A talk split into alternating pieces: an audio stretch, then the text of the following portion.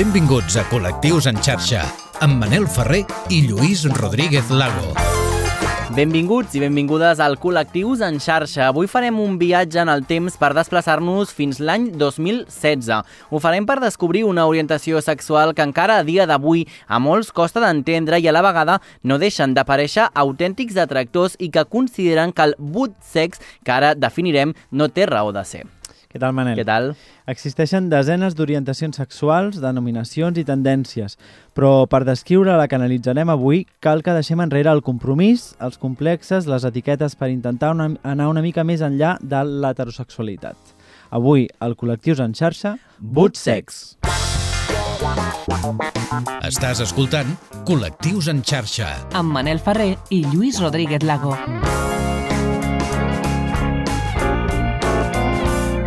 I és que si cerquem la paraula homosexualitat al diccionari surt una foto nostra, és broma, fem broma. Al diccionari veurem que hi diu una cosa similar a la inclinació eròtica cap a individus del mateix sexe. Però no obstant això, avui descobrirem que existeixen homes que mantenen relacions amb altres homes i a la vegada s'autodefineixen com heterosexuals. Com és possible això, Lluís? Quin tema avui, eh, Manel? Sí?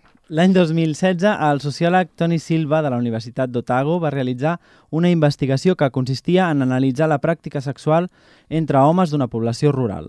Per fer-ho, Silva va voler relacionar les eh, relacions entre homes amb els factors que afecten a la identitat sexual, com per exemple la cultura, eh, la cultural, el context social, el lloc de naixement, el moment històric o les interpretacions personals. Segons les dades que es van recollir d'aquella investigació, els participants del sexe entre homes sent heterosexuals escollien els seus companys en base a la masculinitat, la raça i també la identitat sexual. És a dir, escollien els seus companys sexuals pel seu nivell de masculinitat i també per definir-se de manera pública com heterosexuals o com a secretament bisexuals. És a dir, han de ser homes molt homes, no? Machos muy machos, A veure, a Lluís.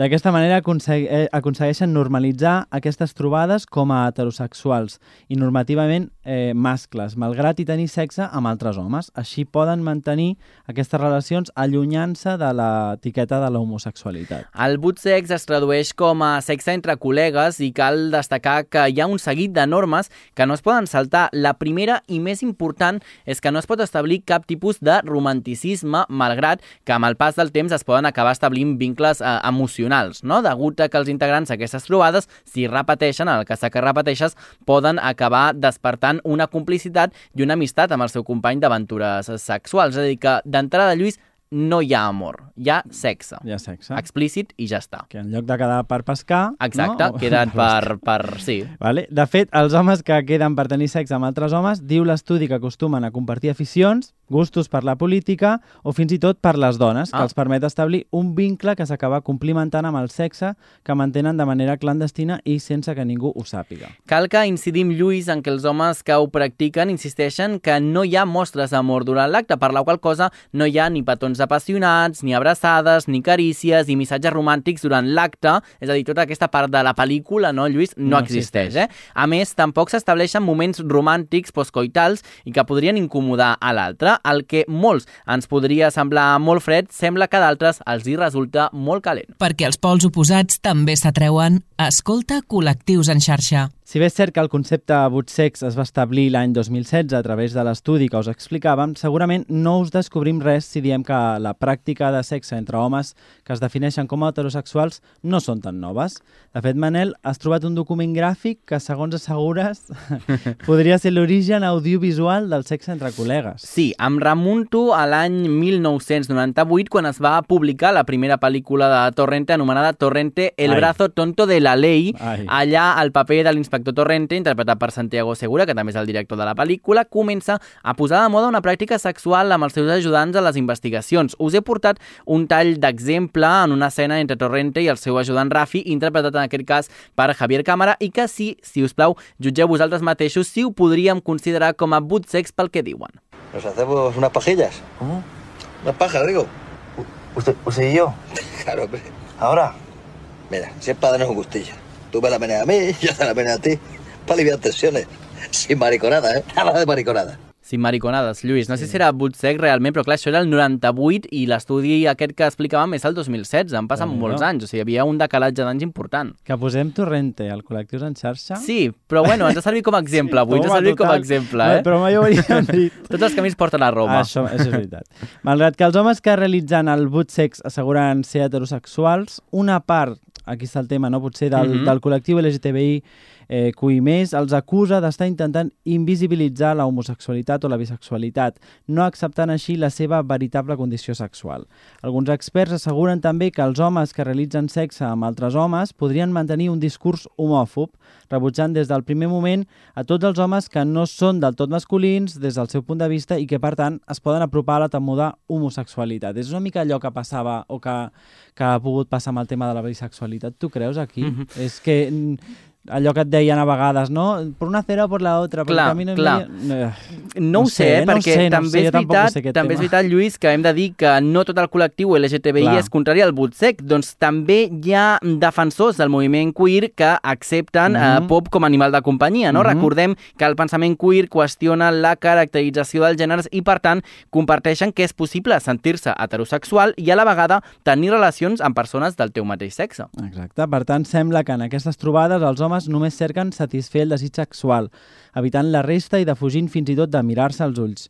A més, moltes d'aquestes trobades acostumen a tenir lloc després d'una discussió forta entre la parella femenina de l'home o bé sota els efectes de l'alcohol o les drogues, fent servir aquests pretextos com a excusa per dur a terme aquestes trobades. Cal dir també que aquestes trobades no tenen una regularitat marcada i que per norma general s'acostumen a generar durant viatges de feina i també a saunes i zones de cruising que, per qui no ho sàpiga, són aquests espais públics eh, que la gent fa servir per anar a realitzar sexe de manera clandestina amb la resta de persones que s'hi troben. No, Lluís? Podria ser una bona definició, això, Sí. o no? Està, és Sí, sí, correcte, és és correcte. correcte. Si algú creu que el terme bootsex encara no està suficientment estudiat, hem de dir que no és així. Doncs fins i tot existeix un perfil, atenció, que s'ha fet i que serveix com a patró dels bootsexers. Uh, Lluís, explica'ns quin perfil tenen els homes que poden realitzar per norma general el bootsex. A veure, segons aquest estudi, acostuma a ser homes obertament heterosexuals, blancs, generalment casats, amb fills i que ronden la cinquantena. Uh -huh. A més, són d'un perfil econòmic mig alt i tenen, a més a més, molt interioritzada la heteronormativitat i les regles masculines, que durant molts anys han seguit sense sortir-se de, de la ratlla. De fet, a més, alguns estudiosos del bootsex eh, afegeixen que hi ha molts bootsexers que poden encaixar en un perfil conservador i, atenció, religiós, i certament té molta raó de ser. Hem d'entendre que són persones que han entès des de la seva infantesa, adolescència i també edat adulta que l'home no podia expressar qualsevol altre desig que s'allunyés de l'home que estima la dona i que ni molt menys doncs, ha contemplat el fet de- d'estar amb un altre home. Per què? Doncs perquè això eh, pot eh, suposar perdre la seva masculinitat. Eh, Lluís, aquest terme era la masculinitat fràgil, Fràgil, que n'hem parlat mhm. tantes vegades, i també doncs, experimentar altres terrenys com el sexe entre els homes. Fixa't, Lluís, que de nou les etiquetes sembla que també ens acaben censurant en algunes Ah, coses, exacte, de nou, eh? Sí, sí, sí, sí.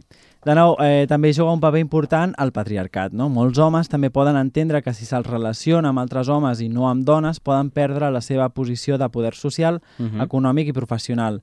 Potser és atrevit dir que si tinguéssim més cultura de les relacions i del gènere, ens estalviarem aquest tipus de disgustos, però la realitat és aquesta i sembla que estem cridats a que així sigui durant força temps. Clar, de fet, eh, Lluís, eh, pel que ens han explicat a les eh, xarxes socials o llocs de contacte, és habitual trobar-te homes que tenen inclús parella eh, femenina, Sí. però que busquen tenir relacions amb altres, Amb homes, homes. però que Mhm. tenen la seva parella femenina. És a dir, que el boot sexer aquest realment eh, sembla que és tendència. És a dir, això en parlàvem el 2016, però sembla que ara, 2022, hi ha encara, encara Mhm. casos. A mi Sí, el que sí. també em crida molt l'atenció és com coneixes els altres homes, en principi també heterosexuals, i quedes amb ells per tenir relacions. És a dir, on es veu això? Quedes per anar a veure el futbol al bar i després doncs, ho celebres Home, a casa? Com deu ser això? Entenc que les aplicacions per buscar sexe Sí. sí. han de ser un camí. Clar. Han de ser o el camí o un dels camins, no? Mhm. I després, com, de, com, deia, com deies tu, no? El, els llocs on, on es practica el cruising Uh -huh. ha de ser un altre lloc de trobada No sé. Però clar, fixa també que dèiem que certament um, no, és a dir, no val el sexe amb qualsevol altre home, sinó que és yeah. sexe amb homes que són molt masculins, és a dir, no et val tampoc tot el que puguis trobar a les xarxes socials, sinó que és amb un perfil molt concret i que també es defineixi com a heterosexual. Però clar, però, per exemple, en els perfils de les xarxes socials Sí, sí. eh, ja poses si ets heterosexual, no? I a, a, a, a, bueno, Sí, sí, sí, sí, sí, sí, s'ha sí, vist, sí, sí, esto- sí, esto sí, s'ha- sí, s'ha sí, visto. sí, sí, sí. I llavors eh, poses que ets heterosexual i potser poses que busques una altra persona heterosexual. No ho sé, uh, ho, ho haurem de veure també realment, no? El que més Investigar. també d'aquesta, exacte, sí, d'aquesta clandestinitat i secretarisme uh, pugui venir lligada també de relacions poc sanes i amb manca d'informació, que pugui acabar generant també relacions, doncs, com dèiem, no sanes. Segurament el problema no es troba tant a les relacions sexuals, sinó també el problema radica sobre aquestes etiquetes que ens acaben portant aquesta clandestinitat pel que diran i també pel que poden acabar pensant de, de tu mateix, no? Segueix-nos a les xarxes. Busca'ns i recupera tots els nostres programes, imatges i vídeos exclusius. Col·lectius en xarxa. A Twitter, Instagram i a les principals plataformes de podcasting. La psicòloga i sexòloga Mònica Leiva publicava fa gairebé un any un article al web psicoactiva.com on divulgava i intentava treure conclusions sobre el boot sex, el sexe entre homes heterosexuals i que cerquen el plaer entre iguals. En volem parlar amb ella perquè ens aporti la vessant més tècnica que ens ajudi també a resoldre els dubtes que encara ens poden quedar respecte a aquest tema i, de fet, dubtes, Lluís, que després de fer aquesta investigació que hem fet durant tota aquesta setmana doncs encara ens queden i la. Mònica Leiva doncs, ens pot servir molt uh, per resoldre aquestes preguntes. Mònica, què tal, com estàs? Benvinguda. Què tal? Hola, bona tarda. Sí. Gràcies Sí, per estar amb, Sí. amb nosaltres. Um, des del Sí. teu punt de vista com a sexòloga, com descriuries el fenomen boot sex?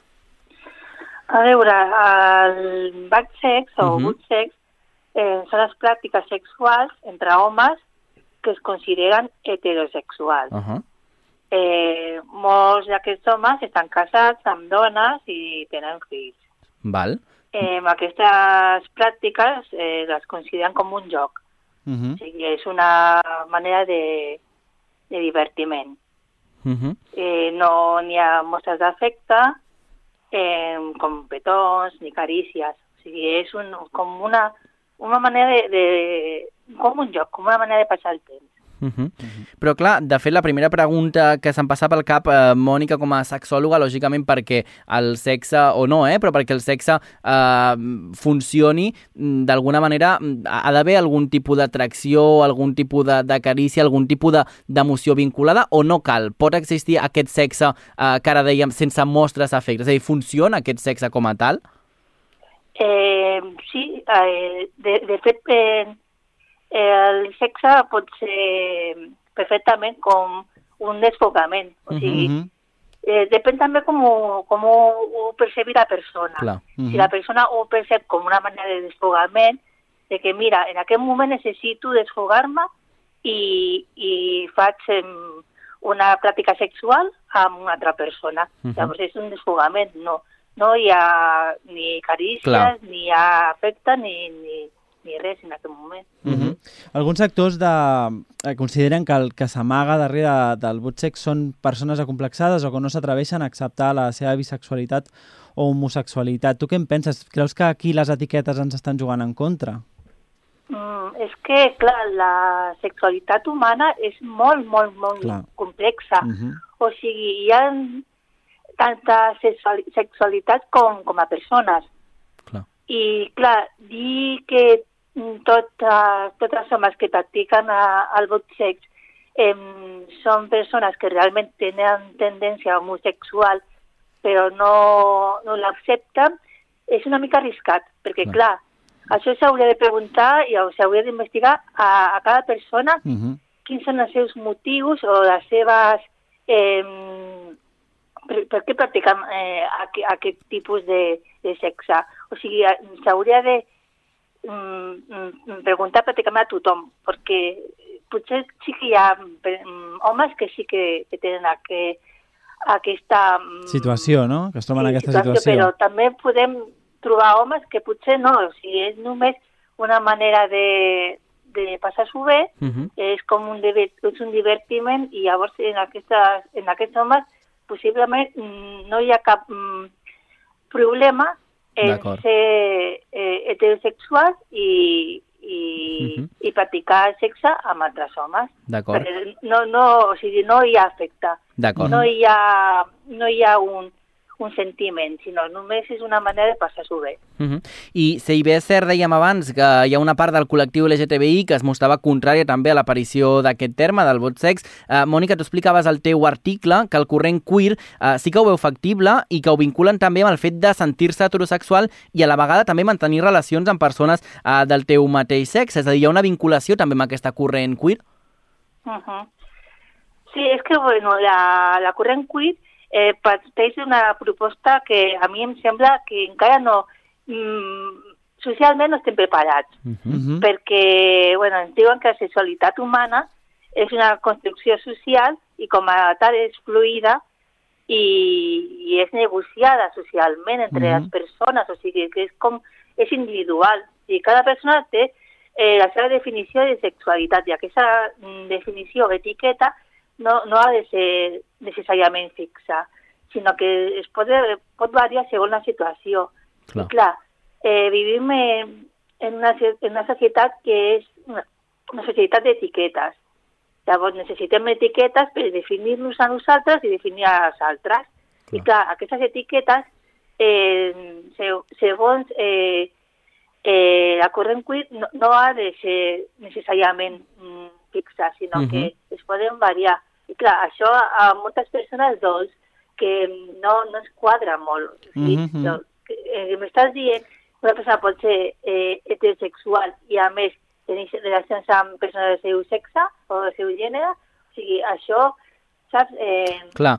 Home, és, eh, Jo crec, Mònica, que ens costa molt, molt perquè segurament quan tu directament li expliques a, a un amic no? que estàs amb un noi, directament aquesta persona ja et diu que si ets gay, no? O ets homosexual. És a dir, tenim com aquesta tendència al segon de que ens expliquin una cosa de posar-li ja a sobre cosa una que- etiqueta no? Clar, a la persona sobre el cap, no? Endreçar, Clar, que tot sí, sí, estigui sí. al seu lloc, aquesta cosa que ens deies tu, no, Mònica? clar, és que les etiquetes ajuden molt en Mhm. aquest sentit, o sigui, per definir-nos a nosaltres i definir també a, a, als altres.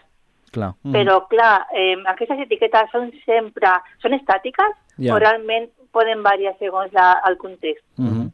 O les podem aprofitar, això, no? Clar. kit de la qüestió. Mhm. I uh, durant el programa ens hem preguntat, i no sabem si tu tens la, la resposta, no? Quins són els canals eh, que poden eh, fer servir aquestes persones per, per fer aquests, aquestes trobades eh, sexuals? Com es troben? Exacte, com, si, com es Eh, troben? eh, actualment hi ha una cosa que es diu internet, Uh -huh. Mhm. hi ha aplicacions i, i webs que No estan anava tan desencaminat. especialitzades Sí. en, sí, en matchet.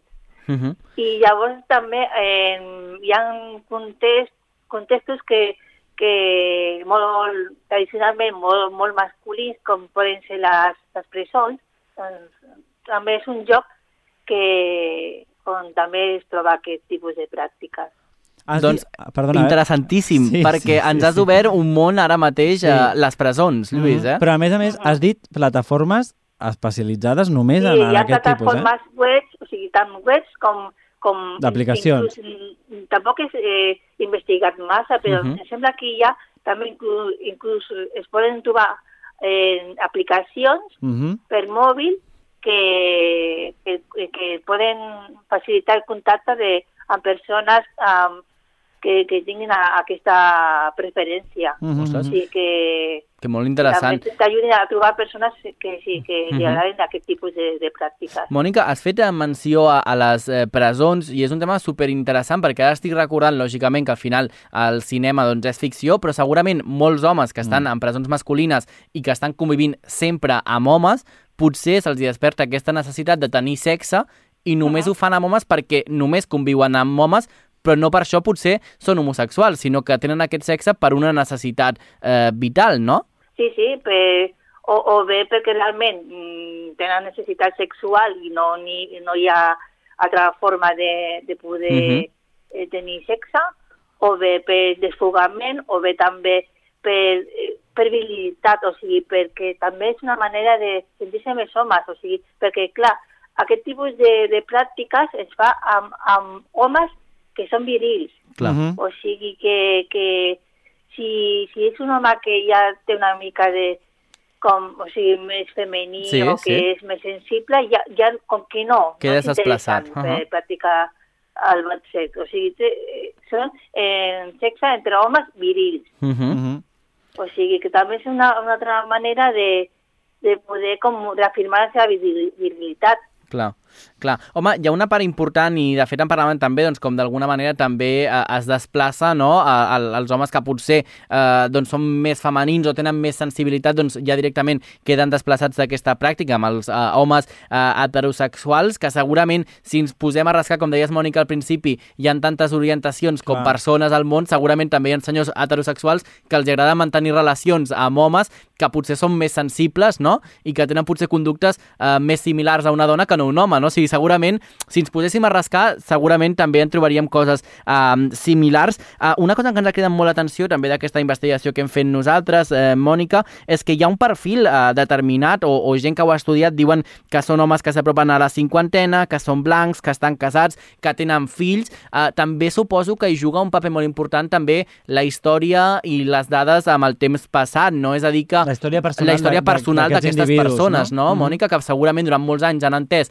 que són pares de família, que han d'estimar la seva dona i que han de tenir fills perquè així els hi han ensenyat sempre, no? I segurament segueixen també aquesta tendència perquè és el que els hi tocava. És com seguir la corrent. Clar. Sí, és que, bueno, ja hem parlat de, de, de que potser sí que hi ha eh, un sector de- de- d'aquests eh, homes que Mhm. sí que realment eh, poden ser eh, homosexuals, però no, no manifestar-ho perquè per la seva educació o per la seva societat on han viscut, doncs mm, no, no han pogut Clar. mm, es- expressar la seva homosexualitat. Mhm. I potser és aquest, aquest tipus de persones que són les que doncs, tenen ja aquesta edat o, o estan casats amb fills i, i que realment eh, potser no, no, no tenen, sigui, no, no, han, no han tingut la- l'oportunitat de, de poder expressar Clar. la seva homosexualitat, però també po- pot ser que, i, i clar, és que clar, la, la, la sexualitat és que és molt complexa, Mhm. que també eh, puguin haver-hi ho- homes que realment són heterosexuals, que tenen la seva parella dona i que en un moment donat doncs, que, que facin aquest tipus de, de, de pràctiques que sol- solen ser pràctiques molt esporàdiques, o sigui, és, és com, com no, no, o sigui, no, no és una cosa que, que, és, que, que sigui com un, Que té una assiduïtat o una rutina, rutina. Sí, sí, sí. que sí. són, molt, molt, són pràctiques molt esporàdiques que en algun moment donat, doncs, per el motiu que sigui, perquè potser han begut massa o, estan, o sigui, eh, em- o, o realment estigui en un ambient que potser eh, faciliti aquest tipus Clar, de poden- conducta, Mhm. doncs, acabin practicant sexe amb un, amb un home, encara que ells eh, no, no es consideren homosexuals. Val. Mhm. Mhm. Molt bé, doncs escolta, ens has ajudat molt a resoldre alguns eh, dubtes eh, que tenia molta informació per pair. De fet, també us eh, recomano que entreu també al web de la Mònica Leiva, que és educandosobresexo.es i allà doncs, eh, la Mònica també doncs, eh, parla i comparteix també molts d'aquests articles i d'aquesta informació que avui ens ha ajudat a entendre. Mònica, moltíssimes gràcies i fins la propera, que vagi molt bé. Moltes gràcies. Vale, A, a vosaltres i, i gràcies per trucar. Gràcies. Adéu. Nosaltres, Lluís, encara abans d'anar al tema final, Sí. ens queden encara uns segons com per fer un, unes eh, conclusions. Ens queden coses realment en el tinter, l'aire. perquè jo estava Mhm. pensant, també és veritat que hi ha molts homes que parlàvem doncs, que han vist com el seu avi, el seu pare, el seu besavi formaven una família, tenien fills, aconseguien una feina que s'hi quedaven per tota la vida i tota la vida es dedicaven al mateix fins que es jubilaven, no? Mhm. Però també ara jo crec que està una molt la tendència que hi ha homes i també dones, crec, eh? però que formen aquesta família heteronormativa, per així dir-ho, Mhm. i ja en l'edat adulta, als 40, 50, 55 anys, surten de l'armari.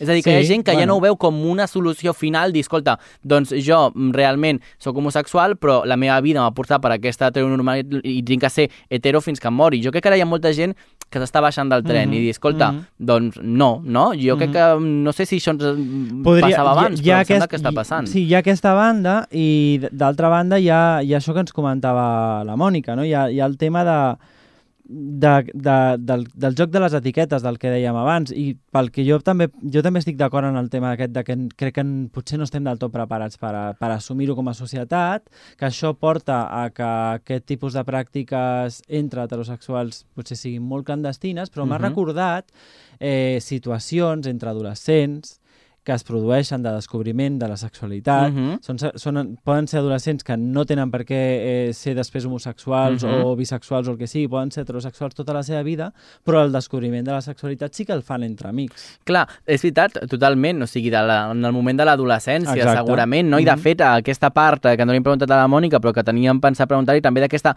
crisi d'identitat, no? Que Mhm. nosaltres estem dient, potser és un home que té una crisi d'identitat, o potser O no, potser o sigui, potser no. el senyor té molt clar realment Clar. el que ho és, però jo crec que nosaltres també, i fent autocrítica, Sí. també en el nostre És cap estem que com dèiem- intentant buscar-li una etiqueta, no? Buscar- Realment, a sí, tot plegat. sí, o sigui, sí, estem bus- intentant com... intentant col·locar aquesta, Exacte. aquest, aquesta buscar una lògica, no? sí. Buscar una lògica d'una història que potser no té per què Al tenir-la final, per el resum una eh? mica és tantes sexualitats com persones. No? Així és. I, que, i després, pues, això, les etiquetes sempre Mhm. a favor de la, de, de, la, de la persona. Doncs escolta'm, aquest programa 50 arriba al final de la Programa segona 50. temporada del col·lectiu en xarxa, però que tornarà després també amb la temporada de primavera, per tant descansem Mhm. uns dies i tornem amb nous temes, Exacte. amb noves idees que tornaran després doncs, a la primavera, clar que sí, amb el solet, Ah, no? I, exacte. i, i de més. Com sempre, unes gràcies al Carles eh, Soler Piqué i a la Lia Costa Rueda en aquesta, en aquesta part tècnica, que de fet la Lia acaba les pràctiques amb nosaltres. Oh. Espero que hagi après moltíssim de, de nosaltres, Lia, i torna sempre quan vulguis, eh, que això és casa, casa teva. Lluís, marxem amb música i què escoltem? Estem escol- escoltant a la Florence and the Machine o Plus the Machine i el Shake It Out. Bueno, Shake It Out, no? Molt bé, shake it out, exacte. Gràcies, Lluís, que vagi molt bé. Adeu. Que vagi bé.